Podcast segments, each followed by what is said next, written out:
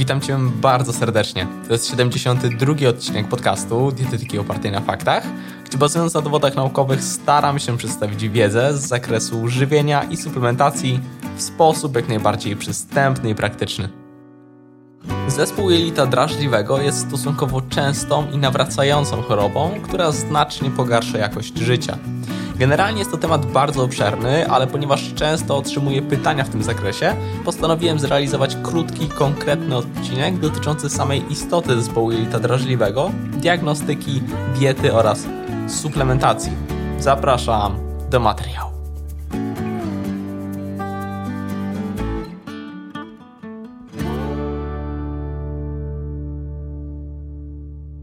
Niestety w tematyce zespołu jelita drażliwego, w skrócie z angielskiego IBS, wciąż dużo nie wiadomo. Diagnostyka jest problematyczna, jak i nie ma jednego uniwersalnego rozwiązania dla wszystkich chorych. To, co u niektórych pomaga, niekoniecznie będzie korzystne dla innych, dlatego w dzisiejszym odcinku po prostu pragnę podsumować aktualny stan wiedzy, odnosząc się do tego, co ma faktycznie największe wsparcie w dowodach naukowych. Ale zacznijmy od tego, czym w ogóle jest IBS. Otóż zespół jelita drażliwego jest przewlekłą chorobą przewodu pokarmowego o charakterze czynnościowym. W 2016 roku zostały opublikowane kryteria rzymskie czwarte, które są obecnie najnowszą aktualizacją kryteriów diagnostycznych dotyczących zaburzeń czynnościowych przewodu pokarmowego. W przypadku zespołu jelita drażliwego kryteria te obejmują nawracający ból brzucha występujący średnio przez co najmniej jeden dzień w tygodniu przez ostatnie 3 miesiące, który spełnia co najmniej dwa z trzech kryteriów. Związany jest z wypróżnieniem, związany jest ze zmianą częstości wypróżnień lub związany jest ze zmianą konsystencji stolca.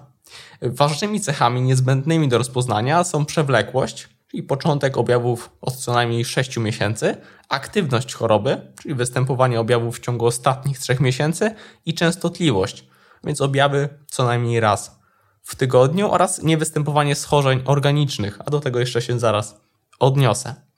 Dodatkowo istnieje podział na cztery główne podtypy IBS-u, oparty na konsystencji stolca według bristolskiej skali uformowania stolca. Skalę to można łatwo znaleźć chociażby w internecie. Niemniej wyróżnia się IBS z dominującym zaparciem, IBS z dominującą biegunką, mieszana postać IBS-u oraz niesklasyfikowana postać E, IBS-u. Objawy występujące przy IBS-ie to głównie bóle brzucha, wzdęcia, zaburzenia oddawania stolca, zaparcia czy biegunka. Natomiast często pacjenci z IBS-em zgłaszają również objawy spoza przewodu pokarmowego, m.in. bóle głowy, migrena, bóle mięśni, bóle odcinka lędźwiowego, znużenie, przewlekłe zmęczenie, często mocz, zaburzenia snu, zaburzenia miesiączkowania czy zaburzenia psychiczne. Niekiedy, niestety, objawy występujące przy IBS-ie mogą być związane z dużo poważniejszym problemem, dlatego fundamentalny jest szeroki wywiad oraz diagnostyka różnicowa. Zwraca się uwagę na objawy alarmujące, które mogą wskazywać, że przyczyna zaburzeń leży gdzie indziej. Niestety nie istnieją potwierdzające testy diagnostyczne. Rozpoznanie IBS-u powinno być poprzedzone rzetelnym zebraniem wywiadu lekarskiego, badaniem fizykalnym, wykonaniem niezbędnych, lecz zredukowanych do minimum badań laboratoryjnych oraz także w uzasadnionych sytuacjach wykonaniem kolonoskopii.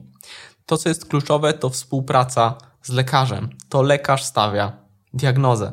Co jeszcze istotne, to to, by interwencje, na przykład właśnie związane z dietą czy suplementacją, wprowadzić dopiero po prawidłowej diagnostyce. Bo należy wiedzieć, że wprowadzenie pewnych działań ukierunkowanych na dany jeszcze niepotwierdzony i niezdiagnozowany problem może okazać się nieskuteczne, a nawet pogłębić problem, zakłócać dalszą diagnostykę lub zmniejszać skuteczność innych interwencji. Chociażby przykład, wprowadzenie diety low FODMAP, o której zaraz będzie, może zmniejszyć skuteczność antybiotykoterapii przy SIBO. Dlatego fundamentalne jest prawidłowe rozpoznanie, które niestety do najłatwiejszych nie należy. No dobrze, jeśli chodzi o leczenie, to dotychczas nie udało się jednoznacznie ustalić przyczyny choroby, dlatego też nie dysponujemy możliwością terapii przyczynowej i skutecznego wyleczenia. Niestety zespół jelita drażliwego to schorzenie przewlekłe. U większości pacjentów objawy nawracają, niekiedy nawet przez całe życie. Fundamentalnym elementem leczenia jest zmiana stylu życia w zakresie m.in. diety, aktywności fizycznej, snu czy zarządzania stresem. Rekomenduje się wprowadzenie umiarkowanego wysiłku fizycznego w różnych formach, niekiedy redukcję masy ciała. Dodatkowo za niezwykle ważne uważa się czynniki psychospołeczne oraz współistniejące zaburzenia psychiczne. W niektórych przypadkach kwestią zaskakująco skuteczną jest poprawa zarządzania stresem lub wprowadzenie terapii poznawczo-behawioralnej. Jeśli chodzi jednak o dietę, to zaleca się czasowe stosowanie diety low FODMAP. I teraz kilka słów właśnie w tym zakresie. Otóż sformułowanie FODMAP obejmuje fermentujące oligosacharydy, disacharydy, monosacharydy i poliole, czyli specyficzny rodzaj krótkołańcuchowych węglowodanów, które nie są w pełni trawione lub są wolno wchłaniane w jelitach. Ze względu na swoje właściwości, chodzi tu o aktywność osmotyczną, prowadzą do nagromadzenia się wody w jelitach, a następnie przedostając się do jelita grubego, łatwo ulegają fermentacji. Skutkiem ich rozkładu jest produkcja gazów, metan czy wodór, które rozciągają ściany jelit. Dieta Low FODMAP została opracowana przez naukowców z Monash University, która z założenia ma eliminować lub ograniczać grupy produktów zasobnych FODMAP. Przykładem FODMAPu są fruktany, laktoza, fruktoza czy ksylitol. Generalnie nie sposób wymieniać w tym podcaście na przykład konkretne produkty, bo jest ich naprawdę dużo. Na mojej stronie internetowej można jednak znaleźć tabelkę z przykładowymi produktami, wpisując dietetyka oparta na faktach.pl, ukośnik low, pauza, FODMAP, można znaleźć ją właśnie wraz e, z artykułem, krótkim artykułem w tej tematyce. E, rzetelne przeporządkowanie pokarmów w zależności od zawartości FODMAP można też znaleźć w płatnej aplikacji Monash University, ale też sporo informacji jest na ich stronie. Zostawię linka do nich właśnie e, też w opisie tego odcinka.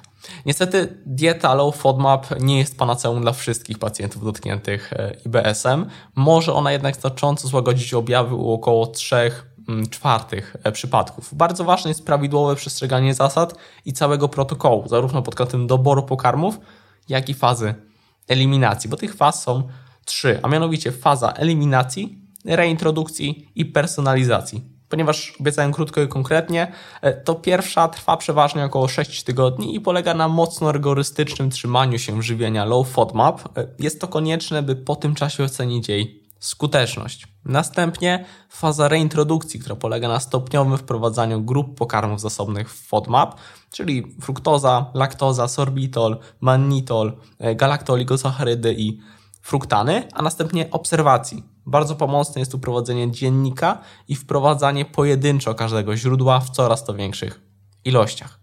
Trzecia faza obejmuje wprowadzenie zindywidualizowanej diety opartej na obserwacjach z fazy drugiej oraz dalsze testowanie ewentualnych połączeń grup FODMAP. I już takiej spersonalizowanej diety należy się trzymać.